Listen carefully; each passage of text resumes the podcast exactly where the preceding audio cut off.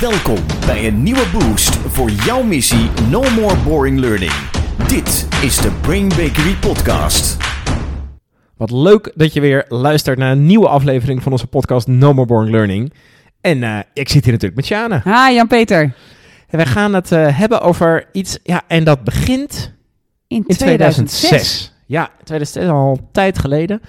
En eh, eh, daar waar we het over gaan hebben, vindt zijn oorsprong bij twee Amerikaanse psychologen. Dat zijn meneer Ryan en mevrouw Markova. En zij eh, deden onderzoek naar hoe lopen nou leerprocessen. Ja, Waar, waar gaan mensen, door welke fase, door welke stappen gaan ze heen? Dat was een beetje hun gedachtegang. Veel andere onderzoeken naar gedaan. En zij kwamen uit op een theorie die denk ik in de wereld van L&D al heel goed bekend is. En dat is de theorie, je hebt eigenlijk als lerende drie plekken waar je kunt zitten. Plek 1 is, we hebben de comfortzone. Ja. Plek 2 is, we hebben ook een paniekzone. ja, En plek 3 is, ja, daartussenin zit dan een stretchzone. ja. En wat we gaan doen is, we gaan eens eventjes deze theorie onder de loep nemen. Want wij vinden daar wat van. Ja, we gaan er een beetje tegenaan schoppen. Dus als dit een heilig huisje voor je is, stop met luisteren. Want dan kun je het gewoon niet aan. Nee, nee, dan wordt het schokkend. Ja, Ja, ja dus laten we eerst maar eens even kijken naar die twee uiterste Ja. zones. Dat zijn in hun model, in hun theorie, de comfort en de stretchzone. Ja. Nou, de meeste mensen zullen die natuurlijk eh, kennen. Eh, de comfortzone klinkt als, als L&D klinkt dat, dat is niet goed. Ja. Want daar wil je mensen eh, niet hebben. ja. Eh, maar dat is natuurlijk heel dom ja. om dat te denken. ja. Ja. Ja, de comfortzone, dat ehm, laten we even heel helder zijn. Je wilt dat grote delen van je leven zich in de comfortzone bevinden. Want de comfortzone is, het is lekker, het is fijn. Ik hoef me er niet druk over te maken. Ik heb er geen slapeloze nachten van. Het is gewoon fijn. Ja.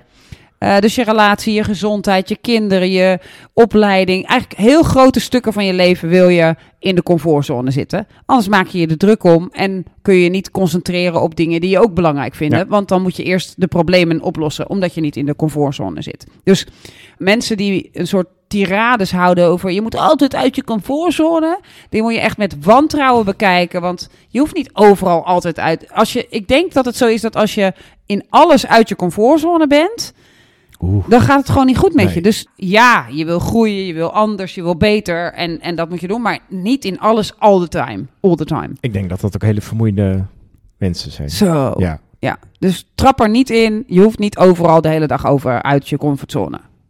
Gaan we naar de paniczone. Ja, nou, het lijkt me heerlijk om daar de hele tijd in te zitten. nee, nee, vol- volgens mij is daar natuurlijk het adagium onder L&D'ers. Zorg ervoor dat mensen nooit in die paniekzone komen te zitten. Want dan gaat het helemaal mis. En daar, daar is natuurlijk een soort ja, Ja. maar ook wel een soort Nee. nee. Ja, ja inderdaad. Je wilt niet voor een groep staan en mensen ineens in paniek brengen. Want in paniek ga je wel, ga je wel heel hard leren. In de zin van, ja, stel je voor, jij stoot je ergens tegenaan en dat blijkt heel erg heet. En je kan dat aan de buitenkant niet zien. Dat vergeet je nooit meer als dat pijn doet. Hè? Dus het leereffect van iets wat je overkomt waardoor je in paniek gaat, is best wel groot. Maar daar wil je natuurlijk niet als trainer voor de groep mensen lekker in paniek gaan brengen. Want dan gaat het niet goed met hoe lang ze dingen gaan onthouden en hoe leuk ze het bij jou vinden. En dan wil niemand ooit meer wat leren. Behalve, en die nuance willen wij ook graag toevoegen, als, je, als het gaat over panieksituaties. Hè, bij een overvaltraining is het heel goed om zeer gecontroleerd en netjes en met goede afspraken mensen in paniek te brengen, zodat zij kunnen ervaren, stel er staat straks iemand tegenover mij met een gun Ja. of een mes, hoe moet ik dan reageren en hoe pas ik dan de regels die ik net geleerd heb toe? Als je die gewoon leert in de comfortzone en, je gaat en, je, en, en dan komt de overval, dan kun je dat niet daarna vertalen. Hetzelfde geldt voor BHV-trainingen. Waarom zie je daar altijd brand bij? Omdat brand iets losmaakt waardoor je even in paniek schiet, waardoor je kunt handelen door de paniek, paniek heen. Dus paniek kan wel degelijk een zone zijn waar je mensen in wilt brengen. Maar dan moet het wel gaan over, ik wil een gelijkenis creëren met de praktijk. Juist. Transferregel 3. Voor de oplettende luisteraar. Een gelijkenis creëren met de praktijk. Want in de praktijk zullen ze in paniek zijn als ze dit moeten gaan doen. Dus alleen maar roepen geen paniekzone is ook niet goed. Nee, dus dit is geen betoog voor de goede luisteraar. voor, voor breng al je deelnemers nu naar de paniekzone. maar, hij kan, maar hij kan heel nuttig zijn. Ja. ja, en dan zeggen die Ryan en Markova... Ja, het echte leren hoort precies daartussenin. In de stretchzone. Eh, ja, Ja. en wat interessant is, dat hebben wij in eerder podcast tussen de regels er ook al gezegd. Taal die je gebruikt, hè, Ja. de taal die je gebruikt richting je deelnemers of over je deelnemers, zegt heel veel over de plek waar jij staat als Ja, trainer over je en als visie, over het paradigma van vanuit je praat. Ja. Ja. ja. dus wat, wat, denk, wat vind jij, wat is jouw visie erop als ik als L&D'er zeg, oké jongens, kom maar met mij mee of ga naar die stretchzone. Wat, wat zeg je dan eigenlijk? Ja, wat je dan eigenlijk zegt, als je, als je, eh, ik denk dat iedereen het wel snapt. Hè? Dus het is niet, het is niet fout. Nee. Eh, maar we gaan het wel aanvallen. Maar het is niet fout. Hè? Je kan, mag dat gewoon nog steeds zeggen na vandaag. Al kijk ik dan wel iets minder naar je op. Maar ehm, ehm, de stretchen is iets wat je doet voordat je een inspanning gaat leveren. Ja. Als je naar de Ja. taal kijkt. Hè? Dus je gaat stretchen en dan pas ga je een inspanning doen. Of je hebt enorm je spieren getraind. Dan ga je na afloop nog even stretchen, zodat de spierpijn meevalt. Om blessures te voorkomen. Precies. Ja. Maar het stretchen zelf is niet het echte ding. Hmm. Het stretchen is ter voorbereiding op het echte ding. Dus, dus als je heel taalkundig, Ja. bijna mierenneukerig gaat kijken, dan is stretchen geen goede term. Want je vraagt deelnemers om echt iets anders te gaan doen. En dat is niet een beetje vooraf stretchen en Nee. na afloop een beetje stretchen. Het is, het is de spannende, het spannende pad oplopen. Ja. Want ik, ik, ik heb zelf ook dat de associatie bij, bij stretchen is dat je als L&D'er een klein beetje, of trainer, een klein beetje als je praat. Het- Tuurlijk is dat spannend, maar doe, doe het ook maar eventjes, weet Ja. je wel? Ja, het, ho- het hoeft Ja. niet echt om te kunnen sporten, maar het is wel beter als Ja. je het wel doet. Ja. Eh, en dat is ook de associatie die je niet wilt op het moment dat je mensen vraagt van... Joh, ik zou willen dat je voortaan als een klant begint te schreeuwen... dat jij iets doet wat tegennatuurlijk is, iets spannends doet... waarvan we weten dat het beter werkt, maar het voelt niet goed. nee. Dan vraag je niet, doe een beetje stretchen. Doe maar even. een beetje stretchen. Nee, je vraagt echt, doe iets wat voor jou voelt als helemaal de verkeerde kant op lopen. Ja. ja, ik denk dat onze luisteraars nu enorm zitten. Die zitten of, joh, eh, ik wil lekker stretchen, maar die zitten misschien ook al met de vraag... Ja. Ja, wat, wat is dan wel de plek? Wat is dan Ja. wel de goede plek waar je ze heen wilt Nou, hebben? ik, ik wil nog één ding eraan toevoegen.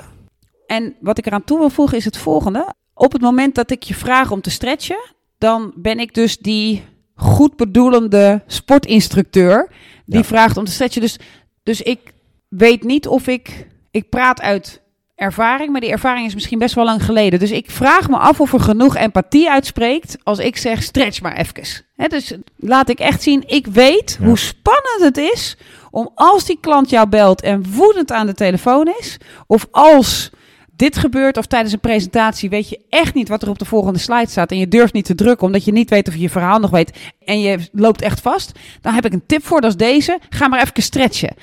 Ik weet niet of die dan niet een soort beeld geeft van mij dat ik niet echt weet hoe spannend dat is. Beetje het beste stuurluist aan een wal. Beetje zoiets. gevoel zo? Ja, beetje. Joh, ik ben adviseur, ik raad je dat aan. Doe het zelf ook allemaal niet, hè. Maar ja, Ja. is wel heel handig hoor, Ja. stretchen. Nee, Ja. echt. Nee, Vol- maar echt. Volg deze stap. Volg ja. deze stap, ja. Dus nou goed, dat is ook nog een klein kritiekje die Ja. ik erbij had. Sorry. Ja, nee, eh, heel goed. Ja. Maar ja, met kritiek alleen komen we er niet. Nee, Hoewel het wel lekker is natuurlijk. Ja. Ja, volgens mij vraagt het één heel belangrijk element om te gaan leren. Ja. En dat vraag jij als facilitator en als trainer van je deelnemers. En dat is moed. het is eng. Ja, Het is spannend. Het is niet leuk. Je intuïtie gilt ondertussen in je oor. Doe het niet, doe het niet, dit is eng. Ja. En je vraagt ze om het toch te doen. Ik probeer altijd, en ik zeg niet dat ik het altijd kan, maar ik probeer altijd om er bewust aan te zijn. Wat vraag ik hier van ze? Ja. Ik vraag ze vooruit te stappen, terwijl ze niet weten of daar grond onder hun voeten ligt. Dus het is nogal een vraag om mensen te vragen om vooruit te stappen. Ik denk dat heel veel trainers dat wel herkennen. Dat als jij zelf weer eens een keer in een training zit Mhm. en je doet mee aan een oefening, Ja. dat je echt weer voelt. Oh. Ja, of Dit- dat ze zeggen, en nu gaat er een rollenspel gebeuren. En dat je toch, ook al doe je het dagelijks anderen aan, denkt... Als laatste, als laatste, als Ja. laatste. Eerst afkijken bij de rest. Afkijken, laat deze drinkbeker aan mij voorbij gaan. Ja. Ja. Ja. Ja, dus het vraagt enorm veel eh, moed van deelnemers. Dus wij houden hier een pleidooi. Een beetje tegen de stretchzone. Ja. Hè, er zit wel nuance in. Maar vooral voor de courage-zone. Ga, die, ga die term gebruiken, mensen. De courage. Want ik denk ook dat het lekkerder klinkt. Dat als je aan mij vraagt, Jane, wil je de stretchzone ingaan? Dat ik denk, nou, is een beetje overbodige oefening voor de real work. En als je tegen mij zegt, ik vraag je om de courage zone in te stappen, dan voel ik daarvoor, daarin echt heel veel dat jij respect hebt voor de spannende stap die je van Ja. mij vraagt. Ja, want mijn gedachten zouden twee kanten op gaan, namelijk dit voelt soort relevanter, waardevoller als ik dit doe. Ja. En inderdaad ook, het voelt ook spannender. Ja, Het is wel enger. ja. En dat is natuurlijk fijn als de trainer dat erkent. Ja. Maar als deelnemer denk ik ook wel... eh. Ja, dus daar, wat is daarvoor nodig om in die zone te komen? Ik denk dat die courage eh, dus inderdaad wat jij zegt heel goed, erkenning geeft aan het spannende. En dat dat twee kanten op kan. Dat dat aan de ene kant dus is, ik word erkend dat dit spannend is. Maar dat de andere kant ook is, als ik dit dus doe, heb ik dus courage. Ja. En dat is heel anders dan met stretchen. Als ik dit gedaan heb, heb ik gestretched. Ja. Maar als ik de courage zone ben ingestapt, ben ik gewoon een stoer, ja. tof, Superman, whatever, eh, dan, dan heb ik echt iets overwonnen. En in de courage zone zit dus eigenlijk al de erkenning die dat ook weer van je, aan je geeft. Ik denk dat je, in, misschien kom je dan zelfs wel in een soort opwaartse spiraal terecht, omdat je zelf natuurlijk het gevoel hebt, eh, eh, I achieved something. Ja, Wat denk ik sterker is bij de courage zone dan bij de stretch zone. Ja.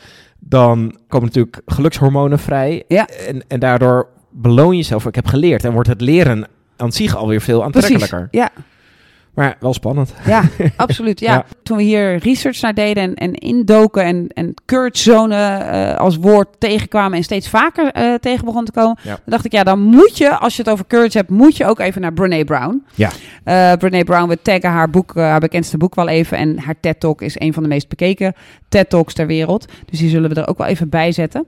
Ehm, eh, zij was op een gegeven ogenblik, dat vind ik een fantastische anekdote, was zij met hele hoge militairen. In Amerika hebben ze allemaal van die rangen en standen. Dat hebben we in Nederland ook, maar ik weet niet precies welke rang en stand. Maar mensen die echt gewoon dagelijks hun leven wagen voor het vrijheidsideaal Ja. van Amerika. Ja. En daarmee was ze in gesprek en ze waren niet in een les. Zij was niet aan het lesgeven hè, van zo zit het, maar zij was een soort inquiry, een onderzoek aan het leiden. Van jongens, kunnen we het hierover hebben? Jullie weten heel veel van moed eh, en van, van moedig zijn en van courage.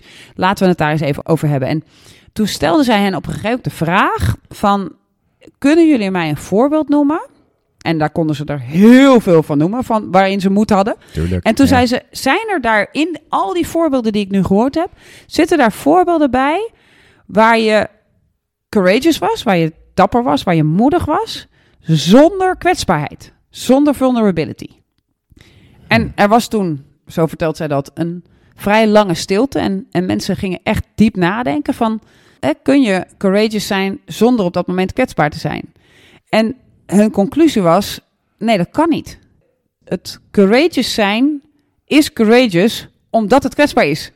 Het zijn twee, gebakken. het, zit, Ja. het, zit, het, ze horen bij elkaar. Het zijn Ja. twee kanten van dezelfde medaille. Als je niet kwetsbaar bent en het is niet spannend, dan ben je dus niet courageous, want dan doe je het gewoon. Ja.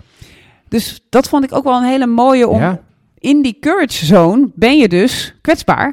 En het is dus spannend. En misschien is kwetsbaar zijn wel een hele grote kracht. Ja, en dat betekent dat je dus als trainer... Hè, want kan gebeuren is dat mensen denken... stretch on, courage on, bla bla. Maar, Maakt het eh, uit. Ja, Semantische discussie. Ja, ja. Houd Maar toch eens maar op. De, maar de associatie, dus de, de, de lading die je eraan geeft, is dus echt heel anders. Van de ene is inderdaad, nou, even een beetje plat zeggen, doe eventjes dit. En de andere is, ik weet wat ik van je vraag. Ja. Ik erken dat dit spannend is. Ja. Ik begeleid je erin, ik help je erin. I'm here for you. Ja. Maar als het lukt, dan, is het fantastisch. Dan ben je echt wel Ja. stoer. Ja, Ja. Dan gaat het veel verder dan een semantische discussie. Dan gaat het heel erg over wie ben ik als L&D'er of trainer voor mijn deelnemers. Ja. Ben ik ze een lesje door de strot aan het Ja. duwen, door een wasstraat aan het trekken? Ben ik mijn les over hen uit aan het storten en ook correct aan het oefenen en alle checklists met ze aan het Ja. doorlopen en ze dat allemaal aan het leren? Of ben ik ook een human being die voelt wat ik voel, die weet dat ik ook niet altijd mijn eigen lesjes volg, die weet hoe mijn eigen eh, angsten toeslaan zodra ik iets dergelijks moet doen en die dus niet staat te pretenderen, nou, bin there, done that, jongens, even stretchen en ga door. Ja, Dus het pleidooi is misschien nog veel meer voor, wees nou die empathische, ja. menselijke trainer of L&D'er die weet... oh jongens, ik ben in het diepst van mijn gedachten ook maar een lul... die het ook allemaal niet durft. En eh, laat, ik dat, laat ik het toch gaan proberen. En laten we toegeven, op die plek hebben we allemaal gestaan. 100 procent. Ja. Ja, ja, ik ben natuurlijk ook wel, nou, niet vaak zat, maar ik ben al een aantal keer ook de wijsneuzerige Ja. bij de hand. eh, doe maar eventjes zo, joh. Dan Ja. komt het wel goed geweest. Ik denk dat iedere Ja. trainer die, die, die bij wijze van spreken eh, zes keer dezelfde training of misschien wel Ja. twintig keer dezelfde training gaat geven. Op een gegeven moment weet je welke vragen er op je afkomen. Je gaat er gewoon staan. Je gaat gewoon even het lesje afdraaien. En luister naar me goed, naar tante Sjaan. en eh tante Ja. Sjaan weet het heel goed. Oh, die vraag, ja, die stelde de vorige groep ook. Heb ik namelijk een heel slim antwoord op bedacht inmiddels. Hier is het antwoord. En good luck, jongens. Ja, even lekker stretchen. Ja. en ja, ik denk dat dat de, de fuck-up is die gewoon dreigt voor iedere trainer. Ik denk in ieder vak, hè. Als je in een restaurant bent en het restaurant is open... en er komen om zes uur de eerste tafeltjes binnen. Niet de mensen, maar de tafeltjes komen binnen. En die zeggen, ik heb gereserveerd. Dan ga je ook gewoon in je routinestand... oh, daar komt weer een groepje aan. Ik moet eerst vragen of ze gereserveerd hebben. Dan moet ik ze naar de juiste tafel brengen. Dan breng ik ze een menukaart. En dan vraag ik of ze wat willen Drinken, drinken. ja. Dan zeg ik, de echte ober komt zo bij u. En dus die routine, die kennen wij dus als trainer natuurlijk ook wat minder, omdat wij niet 16 keer per dag hetzelfde doen. Maar ik denk dat de routine wel stretchen in de hand werkt. Routine is een vijand van courage. Ja, ja, dus stretchen past een beetje bij routine. Courage past bij vulnerability. Ja, Twee hele andere elementen. ja, En ik denk dat je bij de een gewoon, nou ja, maar dat is een open deur, heel veel meer impact maakt bij je deelnemers. En dus op je organisatie dan bij de ander. ja. Ik zit zelf te denken, het is ook best moeilijk om als trainer misschien te ontdekken van op welke plek praat Train ik nu. ja. En daar kun je misschien achteraf op reflecteren. Of als er een co-trainer hebt die hebt. Maar de meeste trainers staan ook alleen voor de groep. ja. Hebben we daar nog... Tips voor? Ja? Ja, zeker wel. Ja, ik denk dat. Ik ga even de iets andere kant op, maar ik kom er wel op. Dat je als trainer heel vaak met een opdrachtgever zit. Of, hè, of die opdrachtgever nou een externe opdrachtgever is. Of een collega met, van een afdeling. Die zegt van ze doen dit. Dat moeten ze niet doen. Ze moeten het zo doen. Ja. Alsof die human beings verkeerd geprogrammeerd zijn. Programmeer ze even anders. In plaats van dat ze dit zeggen, moeten ze vanaf nu dit gaan zeggen. Daar zit geen empathie bij. Nee. Wat ik vind dat wij als trainers zouden moeten doen, is altijd ons afvragen: oké, die, die man die zegt dus dat ze allemaal vragen naar de postcode, terwijl die wil dat ze eerst even leuk doen. Eerst even, hey, wat goed dat u belt, wat fijn dat u belt. Even een soort leuk contact maken. Doen ze niet, want ze vragen gelijk naar de Ja. postcode. Nou, waarschijnlijk komt dat, als je naar de training triage kijkt, doordat ze worden afgerekend op de duur van het gesprek. Ja. dus gaan ze allemaal gelijk, hup, die postcode in. Maar dat geeft geen leuke klantbeleving. Dus dan krijg je weer de beweging, ze moeten eerst leuk doen. Dus dan word je als trainer gevraagd, zorg dat ze leuk doen. Ik denk dat als wij bij de courage zone willen komen van onze deelnemer, dat wij ons even af moeten vragen: wat maakt nou dat ik dat niet doe? Wat maakt nou dat dat voor de gemiddelde human being die hier werkt, kennelijk dus moeilijk is? Nou, dat komt omdat ik onder tijdsdruk sta. Ja. Dat komt omdat ik 50 telefoontjes per zoveel tijd doe. En dat komt doordat ik best wel vaak gebeld word door iemand die niet blij is met onze diensten. En als ik dan leuk open, dan krijg ik hem. En als je die drie dingen even voelt en dan ook even mee gaat luisteren en gaat horen hoe erg is het eigenlijk als zo'n ontevreden klant belt. En als je dan opent met, wat kan ik voor u doen vandaag? Oh. Nou, heb je even. En je voelt hem over je heen komen. Dan, dan, dan verklaar je eigenlijk heel gemakkelijk waarom het voor die personen de slimste keuze lijkt Ja. om te openen met, dank u wel, mag ik een postcode? En in de routine te gaan. Dus als je dat eenmaal ervaren hebt, dan denk ik dat je ook snapt dat een stretchzone het antwoord niet is. Nee. Want het is niet, doe toch een beetje Ja, leuk. Dus Nee, Stretch even, het joh. is, hè? het Ja. is, heb nou de courage om juist die klanten, ook al weten we dat van de 50 telefoontjes die je krijgt, zijn er zeven echt naar. Hè? Die, dat zijn mensen die echt heel boos zijn. Ga nou toch persoonlijk openen en mooi openen, want dan heb je meer kans dat je echt iets goeds voor ze doet. Ja. Dus het voelt tegen natuurlijk, want je denkt, "Oh, ik moet me verbergen achter het proces, ik moet een robot worden. En ik denk dat je ze dan ook veel meer kunt vragen en mee kunt uitnodigen om de courage zone in te stappen, omdat je zelf de empathie hebt gevoeld wat je vraagt van die Ja. deelnemers. Want anders ben je gewoon een lesje aan het afdraaien. Dames en heren, het is beter om eerst leuk te doen. Doe nou toch leuk. Ja, Hier zijn drie zinnetjes. precies. Ja. Dus ik denk dat dat en de manier Ja. is om te zorgen dat je van tevoren in de Ja, zone. is Maar dat was hele niet je goeie, vraag. Deze, ja. is enorm preventief. ja, precies. En is denk ik voor je hele training veel waardevol. Maar dit is een hele goeie. Ja. ja. Wat maakt het algemeen menselijk dat ze dat niet doen? Ze zijn niet dom. Deelnemers zijn nooit dom. Ze zijn Nee. altijd slimme mensen. En die doen dat omdat er iets is. Ja. Nou, ga dat nou eens even voelen en ervaren en laat dat even toe in je lichaam. Dan daarnaast kun je denk ik heel goed na afloop bij jezelf toetsen. Heb ik, ben ik, waar ben ik geweest? En dat zit hem denk ik in hoe nerveus was ik? Als ik een training vaak heb gegeven en ik word minder nerveus, dan weet ik, dit ga ik op routine doen. En dan ben ik niet echt bij mijn mensen. Dus als je je afvraagt, hè, zat ik in comfortzone Ja. of zat ik in courage zone? Als ik zonder zenuwen een trainingsgroep inloop, dan Ja. was ik er dan echt. Ja. Dus daar kun je denk ik een, een vraag stellen. Die kun je ook nog vlak voor de training begint zeggen van... Hey, kan ik me nog oppeppen om nerveus te zijn voor ze? Ik denk ook dat als je merkt bij jezelf dat je weerstand krijgt in de groep... dus dat mensen zeggen, ja, dat zeg jij nou wel... Oh ja. dat dat een teken Ja. is dat jij niet in tune bent met je deelnemer. Ja. Want dan doe jij kennelijk voorkomen. En dit is een fuck-up die ik echt regelmatig heb gemaakt. Want dan zag ik zoiets slims. Dan dacht ik, oh, ze voortaan dat doen, dan. Maar dan krijg ik altijd de terugwerping. Ja, maar jij denkt dat het makkelijk is. Jij staat, eigenlijk zeggen ze letterlijk, jij staat niet in mijn schoenen. Nee. En jij vraagt mij nu te stretchen. En dan weet je dus, ja, ik zit hier een beetje stretchzone, leuk propagandaverhaal te houden. En dan moet je dus terug naar, oké, vertel me dan eens hoe het echt is. En dan echt luisteren. En dan weer terug naar, oké, zou het dan kunnen helpen als we dit zouden proberen? Of zou het dan kunnen helpen als we dat zouden doen? Of wat zou het Ja. effect zijn van dat? En dat je dan met hen het onderzoek ingaat.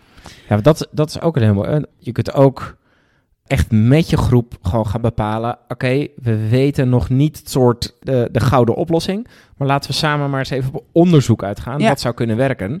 Want ik denk dat je dan al zoveel meer hun wereld instapt. Ja, En ze, eh, ze erkent voor het feit, dit zou best wel eens spannend kunnen Ja. worden. Ja, en soms heb je maar een uur, hè. Soms heb ik een lezing, Ja. heb ik een uur en heb ik 300 man in de zaal. Nou, kan ik niet zo eens onderzoeken, hè. Dat gaat dan niet. Nee. Maar wat ik wel kan doen, is dat ik laat zien en voelen... wauw, ik heb met jullie meegekeken. Ik heb gezien dat van de zoveel telefoontjes... of zoveel mensen aan je balie of zoveel dingen die er gebeuren... dat er zo vaak zoiets gebeurt. En ik zat erbij en ik schrok van hoe heftig dat is. Uh, en daar was ik echt van onder. Ik heb ik heel diep over nagedacht. En ook, ook wel een uurtje minder om geslapen. Want dat is best heftig wat jullie regelmatig doormaken. Als je zoiets kunt zeggen, omdat je het ook echt gedaan hebt en Ja. het echt meent, dan gaat die zaal niet tegen jou zeggen. Ja, je kan het nou wel zeggen, maar eh, je weet niet hoe het is. Nee, die heb je al weggehaald. Ja. Omdat, omdat je echt hebt laten voelen, ik weet hoe het is. Dus het is ook weer een pleidooi. Ga van tevoren met ze Ja. meelopen. Ga Goed vragen hoe erg het is. Dus we hebben eigenlijk misschien wel de belangrijkste eh, remedie tegen, die, tegen in die stretchzone. Die stretchzone is eh, preventief. Empathie. Echt, echt empathie tonen voor de situatie. Eh, aanvoelen, ben ik van tevoren een beetje zenuwachtig of niet? Hè? Ja. Zit je zelf in je comfortzone? En als je dus wat weerstand krijgt vanuit je groep, dan kan dat ook een teken aan de Ja, wand als de weerstand klinkt als jij weet niet hoe het echt Ja. is, dan ben je lekker aan het stretchen. Ja. Ja. dat klopt. Ik weet niet hoe het is, maar ga toch maar even Ja. stretchen. Ja, dat gaat niet. Nee. Ja, Dus, we stoppen met de stretch. ja. we Ja. gaan naar de courage. We gaan naar de courage. Een pleidooi aan iedereen. Erken het feit dat leren soms spannend is. Dat het moed vraagt. Dat eh, mensen hun kop boven het maaiveld uitsteken. Eh, want ze stellen zich kwetsbaar op door te gaan leren. Erken die kwetsbaarheid. Erken die moed. En dan voelen deelnemers zich dus ook veel meer erkend. En de kans dat ze dan iets gaan doen, wordt vele malen groter. Ja, lekker. Hm. Bon courage. Met deze prachtige woorden sluiten we af. Namens Sjaan en mij, bedankt voor het luisteren. En heel graag tot de volgende keer.